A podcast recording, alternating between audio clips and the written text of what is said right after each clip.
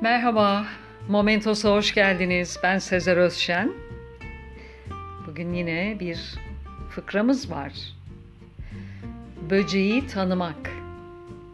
Biyoloji dersinde yapılacak sınav için herkes acayip çalışmış.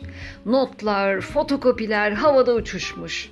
İmtihan günü öğrenciler bir de bakmışlar. Ortada kağıt kalem yok, sadece sıra sıra mikroskoplar.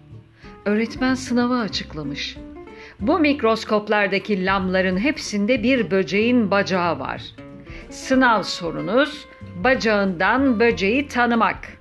Tabii hemen itirazlar, feryatlar ama yararı yok.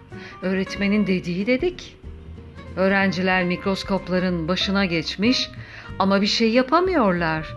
Sonunda biri dayanamamış, kapıyı çarpıp çıkmış.